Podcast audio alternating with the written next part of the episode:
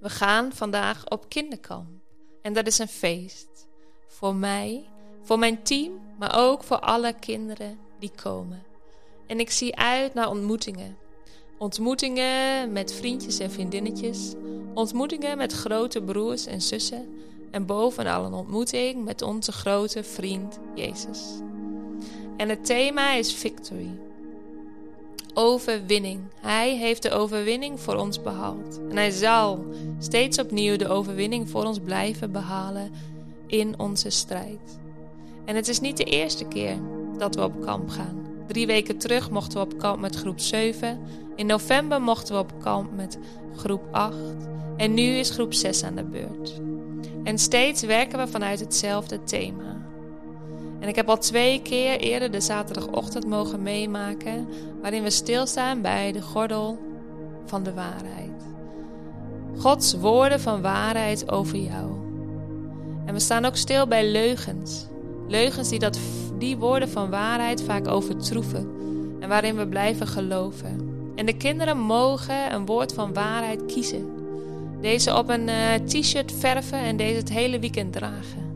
En bij dat woord van waarheid mogen ze een Bijbeltekst zoeken, die ze dan weer mee naar huis mogen nemen.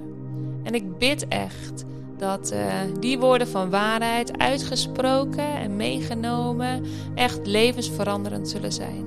Dat daarin een ontmoeting met Jezus zal zijn. Een ontmoeting met Zijn liefde, Zijn goedheid, Zijn vrede, Zijn grootheid. En over die ontmoetingen mocht ik ook dromen met mijn collega Michelle. We mochten nadenken over dromen en verlangens voor het kinderwerk hier in de Stadskerk voor het volgende seizoen. En toen we daar in uh, het Huis van Gebed over nadachten, moest ik denken aan een uh, Bijbeltekst die ik de dag daarvoor las. En uh, ik las hem en ik dacht: hé, hey, klopt iets niet. Zo heb ik dat nooit uh, geleerd of geweten. En ik ontdekte gewoon iets nieuws in de Bijbel. Heb je dat nog wel eens? Dat als je in de Bijbel uh, leest, dat je iets nieuws ontdekt. Nou, ik ontdekte in deze tekst, Matthäus 9, vers 16 of vers 18 tot 26, iets nieuws. En ik lees hem graag met jullie. Hij was nog niet uitgesproken of er kwam een leider van de synagoge naar hem toe, die voor Jezus neerviel en zei: Mijn dochter is zojuist gestorven. Kom alsjeblieft en leg haar de hand op, dan zal ze weer leven. Jezus stond op en volgde hem met zijn leerlingen. Plotseling naderde hen van achteren een vrouw die al twaalf jaar aan bloedverlies leed. Ze raakte de zoom van zijn bovenkleed aan, want ze dacht: als ik alleen zijn bovenkleed maar kan aanraken, zal ik al genezen worden. Jezus draaide zich om en bij het zien van de vrouw zei hij: Wees gerust, uw geloof heeft u gered. En vanaf dat moment was de vrouw genezen. Toen Jezus bij het huis van de leider van de synagoge aankwam en er de fluitspelers en de luidweeklagende menigte zag, zei hij: Ga naar huis. Het meisje is immers niet gestorven, ze slaapt. Men lachte smalend. Nadat iedereen was weggestuurd, ging hij naar binnen. Hij pakte het meisje bij de hand en ze stond op. Het verhaal hierover verspreidde zich in de hele omgeving. En toen ik dit las, dacht ik: ik heb altijd gedacht dat Jezus kwam terwijl ze op sterven lag.